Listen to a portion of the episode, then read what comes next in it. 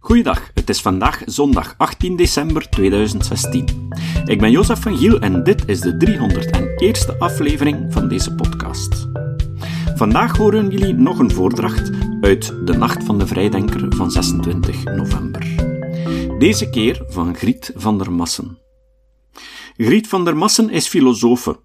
Ze is vooral geïnteresseerd in de spanning tussen feminisme en evolutionaire wetenschappen.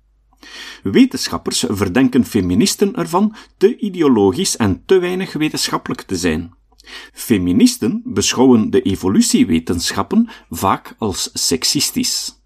Griet van der Massen onderzocht de argumenten en stelt dat feminisme en evolutionaire theorie elkaar niet alleen nodig hebben, maar ook bondgenoten kunnen worden. Momenteel buigt ze zich onder meer over het debat over seksueel geweld, dat volgens haar te veel gekleurd is door feministische dogma's.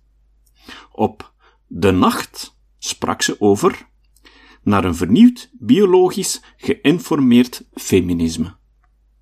Ja, goedenavond iedereen. Ik ga in deze korte voordracht argumenteren dat we nood hebben aan een vernieuwd feminisme. Een feminisme dat bereid is om afstand te nemen van heersende dogma's en dat bereid is om op een open manier te kijken naar wat we kunnen leren van de biologische wetenschappen over, de, uh, over seksueel verschil. Ik denk dat uh, we een echt diepgaand inzicht nodig hebben in de oorzaken van seksuele ongelijkheid om effectief te kunnen vaststellen waar het onrecht zich, zich precies situeert en wat we daaraan kunnen verhelpen. En dat diepgaand inzicht kunnen we niet bereiken zonder ook rekening te houden met biologische inzichten over seksualiteit en seksueel verschil. Ik ga argumenteren dat het heersende mensbeeld binnen de feministische theorie voor mij hopeloos achterhaald is en dat ons dat niet veel verder brengt.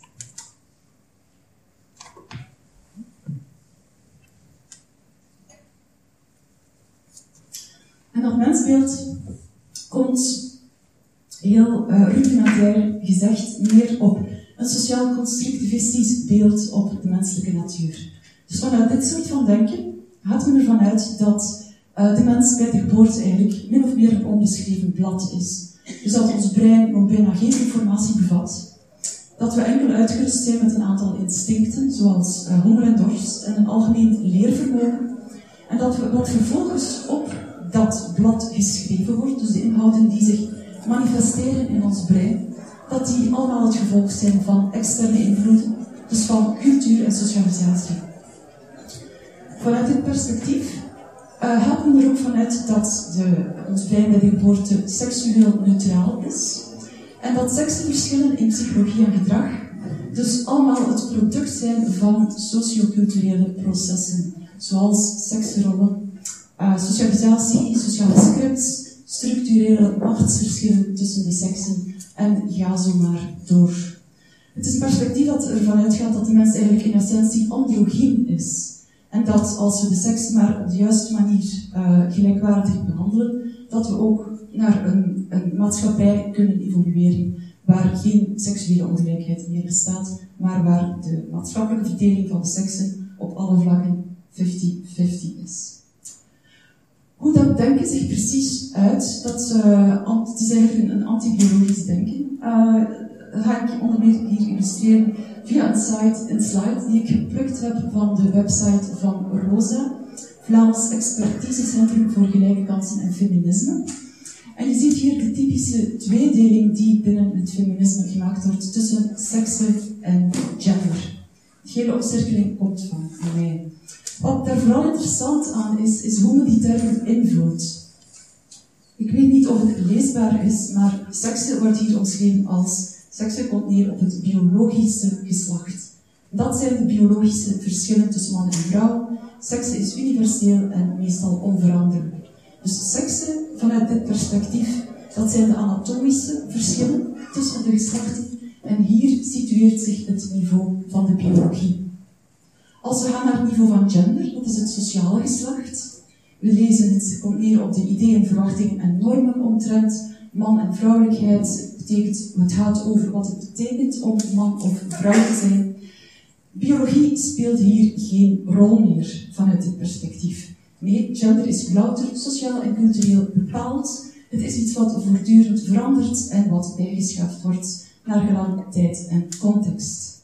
Dus dit is een visie waarin het niveau van psychologie verondersteld wordt om volledig los te zweven van mogelijke uh, biologische invloeden. Dus de inhoud van ons brein komen ons gewoon blijkbaar vrolijk aangewaaid louter vanuit de buitenwereld. Het is een mensbeeld dat vanuit de wetenschappelijke hoek al lang afgeschreven is. Dus een sociaal-constructivistisch soort van mens is theoretisch gezien onmogelijk en het is ook empirisch weerlegd dat wij zo in elkaar zouden zitten.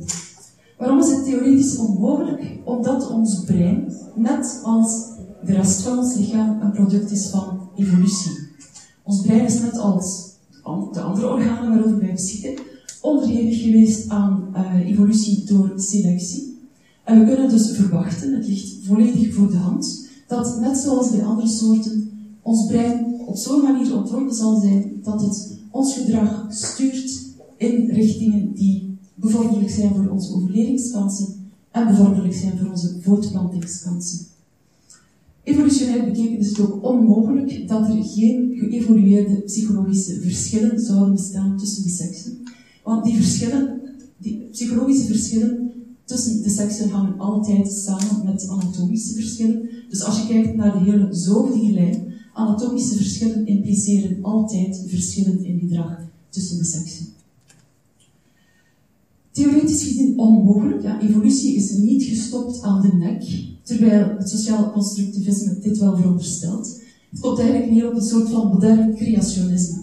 Dus dat is wetenschappelijk onhoudbaar. Empirisch gezien weten we intussen ook dat gedrag altijd het product is van een zeer complexe interactie tussen biologische factoren allerhande, waaronder onze genetische uitrusting, hormonen, onze breinstructuur en nog veel andere zaken, en omgevingsinvloeden. Dus je kan geen gedrag volledig begrijpen, je kan ook geen maatschappelijke patronen volledig begrijpen, als je niet bereid bent om al die verschillende uh, disciplines eigenlijk daarmee in te betrekken in jouw analyse. We weten ook, dat staat uh, vast, dat de seksuele differentiatie van gedrag in onze soort een sterke genetische en hormonale basis heeft. Een biosociale benadering is eigenlijk de enige benadering die wetenschappelijk houdbaar is. Toch is dit een soort van benadering waar nog altijd heel veel weerstand tegen heerst binnen het feminisme. En die weerstand is uh, sterk ideologisch gedreven. Ter illustratie een uh, artikel, feministisch artikel verschenen in 2013. Het is een analyse van um, de tien meest gebruikte handboeken psychologie in de Verenigde Staten.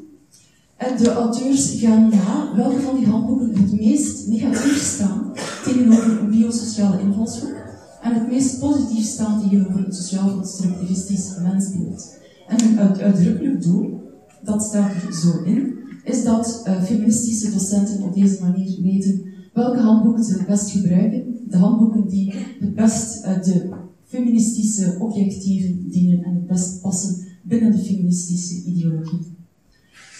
Waarom is er zo'n sterke weerstand? Daar zijn wel een aantal historisch gegroeide redenen voor. Dus waarom is een mensbeeld dat de rol van biologie in gedrag helemaal uitsluit, waarom is dat zo populair binnen het feminisme?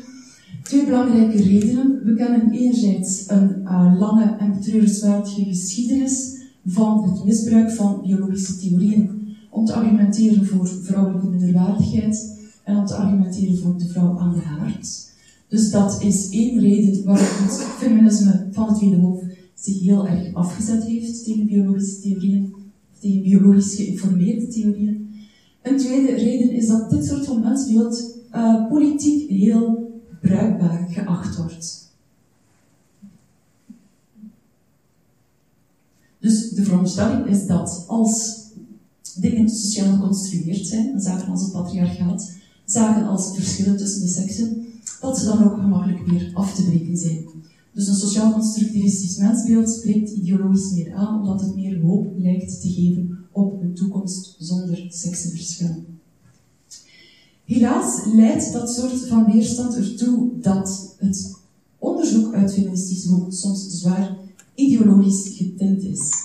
kan het op veel manieren illustreren, maar ik heb er één thema uitgekozen. Een thema dat uh, vanuit feministische hoek en ook van overheids, uh, vanuit de overheid zwaar geproblematiseerd wordt, namelijk de verschillende studie- en beroepskeuze van meisjes en jongens. Ze weten allemaal dat meisjes veel minder geneigd zijn dan jongens om te kiezen voor exact wetenschappelijke richtingen of voor technische richtingen. Daarover wordt aan de alarmbel getrokken. Enerzijds omdat dit uh, beschouwd wordt als een verlies aan talent, als een verlies aan potentieel. En anderzijds omdat door dat soort van uh, studiekeuze vrouwen ook vaker in beroepssectoren belanden die minder betalen. De sociale sector, zorgende beroepen, zo'n dingen. Wat gaat men dan doen? Wel, allereerst, de, allereerst moet ik misschien zeggen dat vanuit het sociaal constructivisme het heel begrijpelijk is dat dit beschouwd wordt, per definitie beschouwd wordt als een probleem. Waarom? Omdat als je ervan uitgaat dat, dat verschillen in uh, psychologie en gedrag tussen de seksen, dat dat allemaal sociale constructies zijn, dus dat die het gevolg zijn van een verschillende behandeling van jongens en meisjes, dan is het natuurlijk per definitie, als je met die verschillende studiekeuze zit, dan is dat vanuit een sociaal-constructivistische definitie per definitie het bewijs dat die rolpatronen en stereotypen nog altijd een heel grote impact hebben op het, op het gedrag van jonge mensen. En dan moeten we daar natuurlijk iets aan doen. Maar die houding, dat uitgangspunt, betekent dat men, dat men datgene wat men zou moeten onderzoeken, namelijk is het zo dat die verschillende studiekeuze, dat dat een gevolg is van uh, sociale druk, van sociale verwachtingen enzovoort? Hè? Is, dat, is dat verschil in studiekeuze sociaal geconstrueerd? In plaats van dat men dat onderzoekt, gaat men er net van uit dat dit klopt en van daaruit wordt de analyse gevormd. Dus datgene wat, zou, wat eigenlijk te bewijzen valt, wordt hier het uitgangspunt van analyse. Dus eigenlijk weten we op voorhand het, het antwoord al.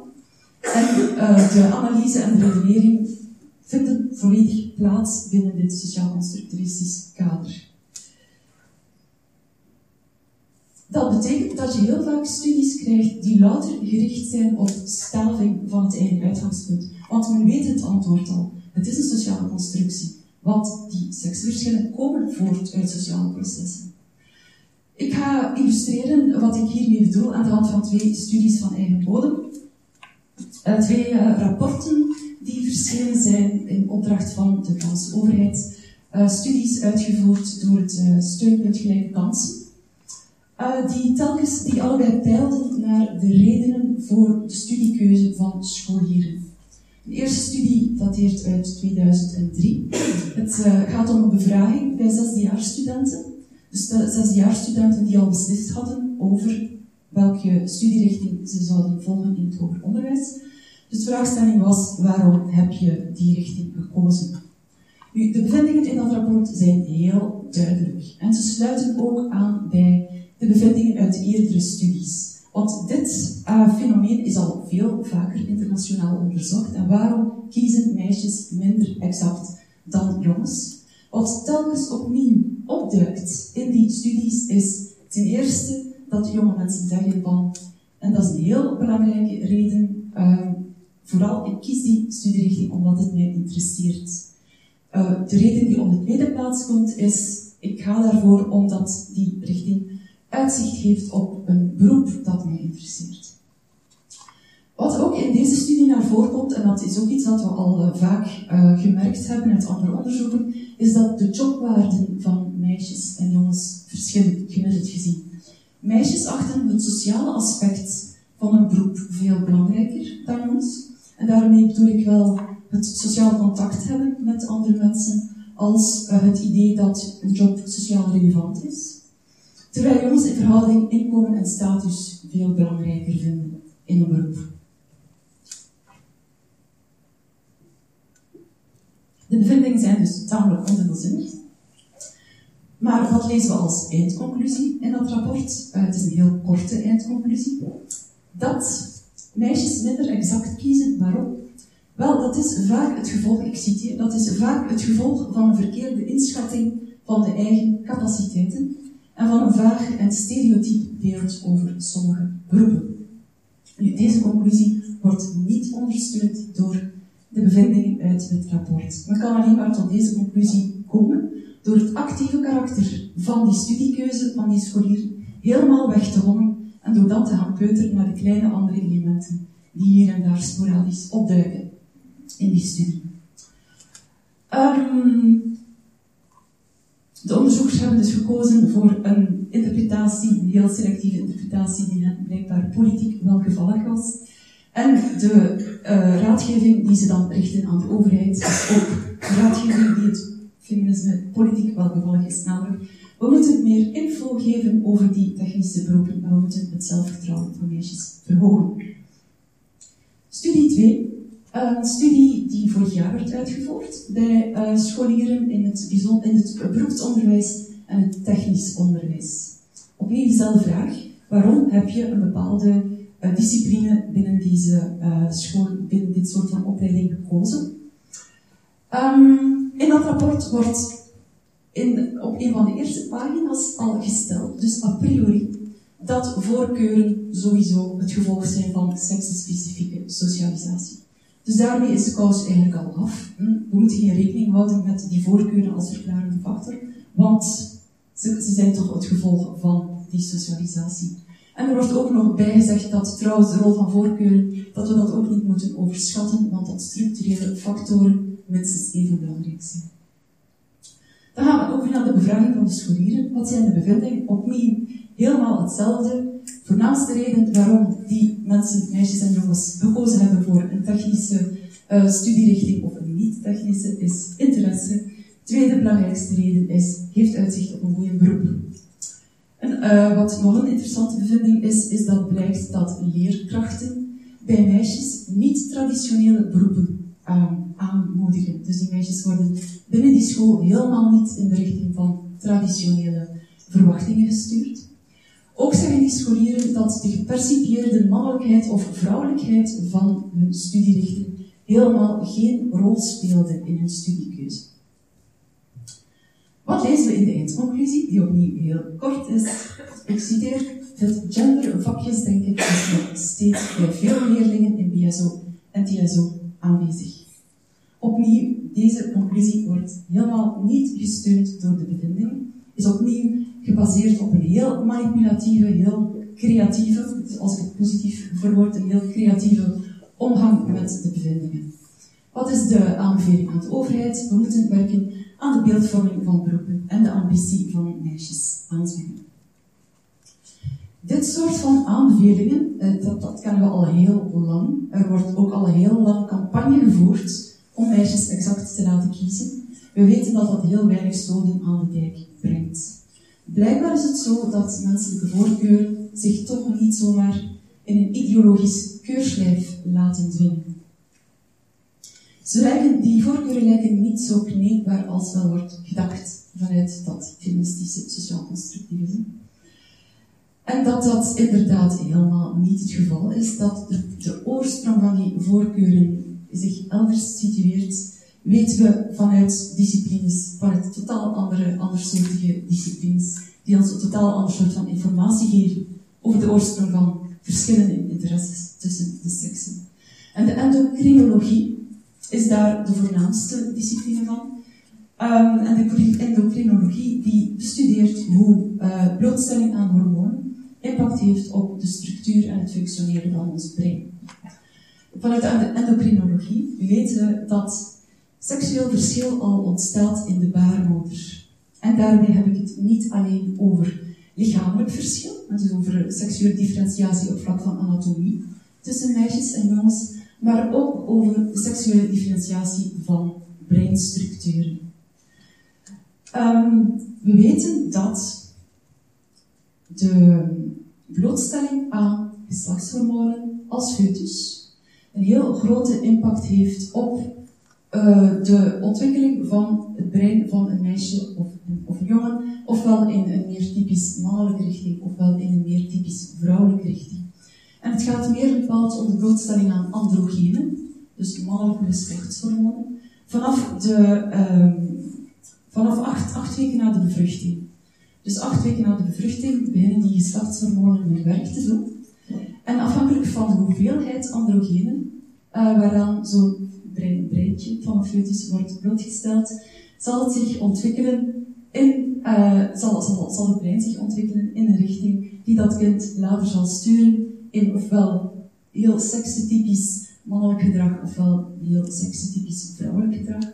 Daar zit heel veel variatie ook op onderling, omdat de timing van die blootstelling aan androgenen een heel belangrijke rol speelt. En ook de sensitiviteit van het brein, van dat wezentje.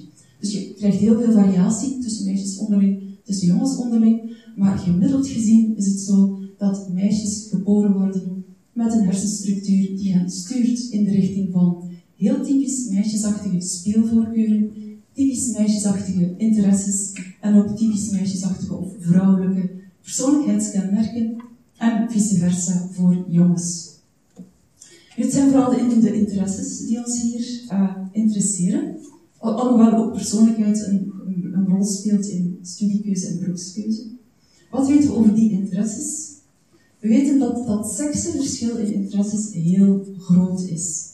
Meisjes zijn over het algemeen veel meer geïnteresseerd in, in mensen. Jongens zijn over het algemeen heel veel meer geïnteresseerd in dingen. Dat is een seksenverschil dat al heel vroeg na de geboorte opduikt en dat op een heel betrouwbare manier gelinkt is aan de hoeveelheid androgenen waaraan je als foetus bent blootgesteld prenataal. Dat seksenverschil is uh, zeer groot. Dus het is een van de grootst gedocumenteerde seksenverschillen op psychologisch vlak. Er is minder dan 40% overlap tussen meisjes en jongens, tussen mannen en vrouwen op dat vlak. En het heeft een grote impact op studiekeuze natuurlijk, want zoals we uit alle vermelde onderzoeken of uit heel veel voorgaand onderzoek weten, zijn interesses de voornaamste uh, motivatie voor het maken van een bepaalde studiekeuze. Interesses hebben een heel grote impact op jouw verdere levensloop. Vandaar ook dat het zo geproblematiseerd wordt natuurlijk vanuit feministisch hoek. Nu, dat verschil is niet alleen zeer groot, het blijkt ook dat over de culturen heen dat verschil heel groot blijft. Dat is, dat is zelfs heel stabiel. Dus het maakt niet uit of je nu meisjes en jongens bestudeert die opgroeien in een heel traditionele maatschappij, of meisjes en jongens die opgroeien in een geëmancipeerde feministische maatschappij. Het seksenverschil in interesses, dus die kloof, mensen versus dingen, blijft stabiel. Dat wijst erop dat biologie hier niet alleen een heel grote rol speelt, maar zelfs dat socialisatie blijkbaar niet eens impact lijkt te hebben op het ontstaan van die voorkeuren. Dus het zorgt er mee voor dat vrouwen en meisjes en vrouwen meer zorgen voor organische studierichtingen. Dus niet alleen menswetenschappen, maar bijvoorbeeld ook biologie en geneeskunde, dus waar het organische aspect belangrijk is. En jongens meer kiezen voor anorganische studierichtingen, exacte wetenschappen, ingenieurstudies enzovoort. Een bevinding zoals deze is tamelijk vernietigend voor de sociaal-constructivistische verklaring van studiekeuze, we kunnen ook nog andere argumenten bekijken. Het feministische argument bijvoorbeeld dat meisjes zouden lijden aan gebrek aan zelfvertrouwen over hun, over hun wiskundige capaciteiten. Dat ze daarom niet exact kiezen. Wel, dat kan je testen door uh, eens te gaan kijken wat er gebeurt in een populatie van studenten die helemaal geen gebrek hebben aan wiskundig zelfvertrouwen, omdat ze exceptioneel begaafd zijn. Dus in Amerika heeft er een heel grote studie gelopen naar groepen uh, studenten die echt zich situeerden in het toppercentiel van wiskundige behaafdheid, die dat ook van zichzelf wisten, en die uitblonken in zelfvertrouwen op dat vlak. Die uh, mensen zijn 35 jaar lang opgevolgd om na te gaan wat er gebeurde met hen, carrièrematig. Wat bleek, veel meer vrouwen dan mannen opteerden uiteindelijk toch voor een niet-wiskundige carrière. Een verklaring die de onderzoekers hiervoor geven, is dat gebleken is dat meisjes die heel wiskundig begaafd zijn, vaak ook heel verbaal begaafd zijn. Wat betekent dat zij een veel breder spectrum hebben aan jobs om uit te kiezen dan jongens, dan wiskundig begaafde jongens. Als je daar dan ook bij neemt dat meisjes vaker ook die sociale interesse hebben, dan ligt het tamelijk voor de hand dat je een patroon krijgt waarin meisjes meer dan jongens zullen kiezen voor een job die aansluit bij een hele spectrum aan capaciteiten en verlangens. Is dat een verlies voor de maatschappij? Als die wiskundig getalenteerde meisjes toch geen wiskundige carrière kiezen? Wel, er is ook nagegaan wat voor carrières die vrouwen dan wel kozen. En het bleek telkens te gaan om zaken waarin ze zowel hun mathematisch-analytische kwaliteiten kwijt konden, als hun meer verbale kwaliteiten. Bijvoorbeeld uh, recht. Een aantal van die vrouwen uh, zijn, zijn, in het milieurecht gestapt. Eén vrouw heeft haar carrière gewijd aan het uh, vrijwaren van zoveel mogelijk natuurgebied in Alaska tegen industriële ontginning. Is dat een verlies voor de maatschappij als zij zich daarop toelegt? Dan is het maatschappelijk minder relevant als je zoiets doet dan als je een publicatie over een of andere natuurkundige theorie hebt in een academisch tijdschrift dat bijna niet gelezen wordt. Daar kan je over discussiëren. Een derde manier waarop je die sociaal-constructivistische benadering kunt testen, is eigenlijk heel uh, makkelijk. Uh, het is, een, het is een, een voorspelling die ja, impliciet gemaakt wordt vanuit het feminisme zelf. Namelijk dat als het feminisme gelijk heeft, dan zal dat seksenverschil in studiekeuze en in beroepskeuze afnemen, naarmate samenlevingen meer gender-egalitair worden. Dus naarmate meisjes opgroeien in een maatschappij waarin die seksrollen niet meer zo traditioneel zijn, en waarin mannen en vrouwen sociopolitieke gelijkheid verwerven, kan je vanuit feministisch perspectief verwachten dat de seksen ook naar elkaar zullen toegroeien. En dat dat verschil misschien zelfs zal verdwijnen. Nu, dat is onderzocht. Daar zijn een aantal studies naar, crossculturele studies, dus in heel verschillende samenlevingen wereldwijd. Wat blijkt, net het omgekeerde is het geval. De kloof in studiekeuze tussen meisjes en jongens is het grootst in de meest gender-egalitaire landen. Dus in landen zoals Denemarken en Zweden. De kloof is het kleinst in de minst gender-egalitaire landen. Landen zoals Bangladesh en Roemenië. Uh, Ethiopië, Bulgarije, kan er nog een aantal noemen. Uh, hoe wordt dat verklaard? Uh, de verklaring van de onderzoekers luidt dat de minst gender-egalitaire landen ook, die dat blijken ook de landen te zijn die het minst scoren op economische ontwikkeling. Dus het gaat om armere landen. In armere landen zijn wetenschap en technologie, worden die gezien als cruciaal voor een betere toekomst.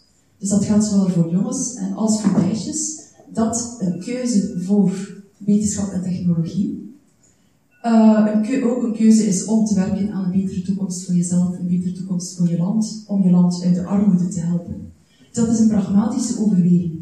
Meisjes en jongens kiezen daar allebei veel vaker voor uh, technische en wetenschappelijke richtingen dan hier. Um, maar meisjes nog veel meer in verhouding tot jongens. Dus daar heb je een heel kleine seksproof. Dus zodra dat je, dat je samenlevingen krijgt die rijker zijn, waar dit soort van pragmatische overwegingen niet meer meespeelt, en je dus een samenleving krijgt eigenlijk waarin meisjes en jongens gewoon hun eigen voorkeuren kunnen volgen, wel, dan zullen ze dat ook doen. En dan krijg je een veel grotere kloof, zowel in studiekeuze als in beroepskeuze. Je kan trouwens dit soort van voorspelling ook toepassen op andere psychologische verschillen tussen de seksen, bijvoorbeeld uh, seksenverschillen in persoonlijkheid. Dus dat is heel goed gedocumenteerd, dat er opvallende verschillen zijn in de persoonlijkheid van mannen gemiddeld en de persoonlijkheid van vrouwen. Dat is niet iets wat zich beperkt tot het Westen, maar dat blijkt universeel het geval waar het ook al onderzocht is. Bijvoorbeeld de bevinding dat vrouwen gemiddeld hoger scoren kwaliteiten als vriendelijkheid, neuroticisme, dus emotionele instabiliteit, op emotionele openheid, op conscientieusheid, dus nauwgezetheid en plichtsbewustheid, op warmte en op sociabiliteit. En zo zijn er nog wel een aantal. Terwijl mannen wereldwijd hoger scoren op zaken als assertiviteit, dominantie, sensatiezoek, fysieke agressie, gewetenloosheid, narcisme en psychopathie. Sorry dat er mannen met niet. um, Alleen al het feit dat dit patroon universeel is natuurlijk, is een sterke aanwijzing dat, uh, dat hier biologische factoren mee in het spel zijn. Mannen scoren uh, wereldwijd hoger op zelfvertrouwen dan vrouwen. Vrouwen scoren wereldwijd lager op subjectief zelfbevinden dan mannen. Ze hebben ook veel, veel vaker last van depressie dan mannen. En het blijkt ook dat er heel, um, dat het, het, verschil tussen, in, in waarden tussen uh, de seksen ook in heel veel culturen terugkeert. Dus vrouwen scoren hoger op waarden als universaliteit en welwillendheid, terwijl mannen hoger scoren op waarden als macht en prestatie. Wat voorspelt het feminisme opnieuw? En naarmate dat je meer gender-egalitaire uh, patronen krijgt in de samenleving, voorspelt het feminisme dat die seksenverschillen in persoonlijkheid zullen wegsmelten. Opnieuw blijkt het tegendeel het geval. En dat is uitgebreid, dat is aangetoond in ondertussen al een heel aantal zeer grootscheepse studies, waarin één studie in 53 landen, verspreid over de hele wereld, en overal blijkt dus weer hetzelfde. Hoe meer gender-egaliteit in een samenleving, hoe groter de psychologische verschillen tussen de seksen. De verklaring die hiervoor geopperd wordt, is dat in gender-egalitaire samenlevingen over het algemeen ook individualiteit en zelfexpressie heel belangrijke waarden zijn. Dus dat in dat soort van samenlevingen um, beide, de leden van beide seksen veel meer de vrijheid hebben en die ook nemen om hun eigen aard helemaal te uiten en hun, hun zelf uh, de vrije loop te laten. Iets, iets in, die, uh, in die zin. Mijn conclusie luidt dat het tijd wordt om uh, af te maken met dat sociaal-constructivistisch mensbeeld. Uh, het brengt ons heel weinig op en het leidt tot uh, kortzichtige analyses of zelfs tot verkeerde analyses. Ik denk dat het tijd wordt voor een nieuw feminisme. Een feminisme dat stopt met het bekritiseren van vrouwen voor de keuzes die ze maken, maar dat seksueel verschil eindelijk ernstig neemt. Dus een feminisme dat erkent dat er gemiddeld gezien verschillen zijn tussen de mannelijke en vrouwelijke uh, kwaliteiten, voorkeuren, waarden en prioriteiten. En dat van daaruit nadenkt over een radicaal andere samenleving. Is een samenleving waarin vrouwen bijvoorbeeld niet langer nadelige gevolgen ondervinden voor de keuzes die ze maken, idem dito voor mannen omdat het een samenleving zal zijn die de belangen van beide seksen ernstig neemt. En niet één sekse als het, het, ja, of het, het gedrag en de voorkeuren van één sekse beschouwt als een nastrevenswaardig ideaal, waardoor de andere sekse moet inboeten op levenskwaliteit.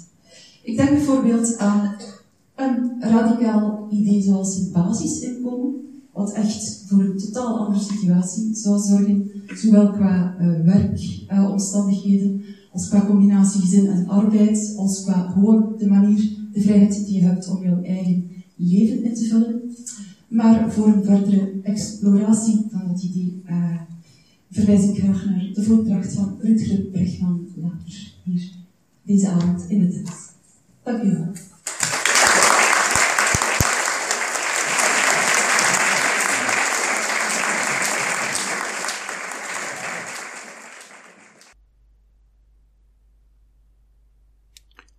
Het citaat. Het citaat van vandaag komt van Daria Safai, die jullie in de vorige aflevering hoorden. Over het dragen van de hijab zei Safai. Maar als die vrouwen er nu zelf voor kiezen, moeten we die vrije keuze dan niet respecteren? Vrije keuze door indoctrinatie is geen vrije keuze. Tot de volgende keer. Deze podcast is het resultaat van het werk van veel mensen. Rick de Laat verbetert bijna al mijn teksten en maakt de meeste vertalingen. Emiel Dingemans verzorgt onze website en Facebookpagina. Ook Leon Korteweg en Stefan Sutens schrijven, vertalen of verbeteren soms artikelen. Leon onderhoudt bovendien het YouTube-kanaal van deze podcast. De muziek van de intro en de trailer heeft Nick Lucassen geschreven en soms maken we ook gebruik van muziek van Ad van Nederpelt, die ons zijn prachtige composities ter beschikking stelt. Dit was de podcast Kritisch Denken. Vergeet niet om alles kritisch te behandelen, ook deze podcast. Voor verdere informatie over deze podcast, links en voor de tekst, surf naar www.kritischdenken.info. Als je deze podcast belangrijk vindt, kun je me steunen door anderen warm te maken ook eens te luisteren. Stuur een e-mail naar vrienden met een link naar de website en plaats de link in de handtekening van je e-mails. Tevens kun je op iTunes deze podcast een beoordeling geven of een recensie schrijven. Of je kan op je eigen website of blog een link naar kritisch denken plaatsen.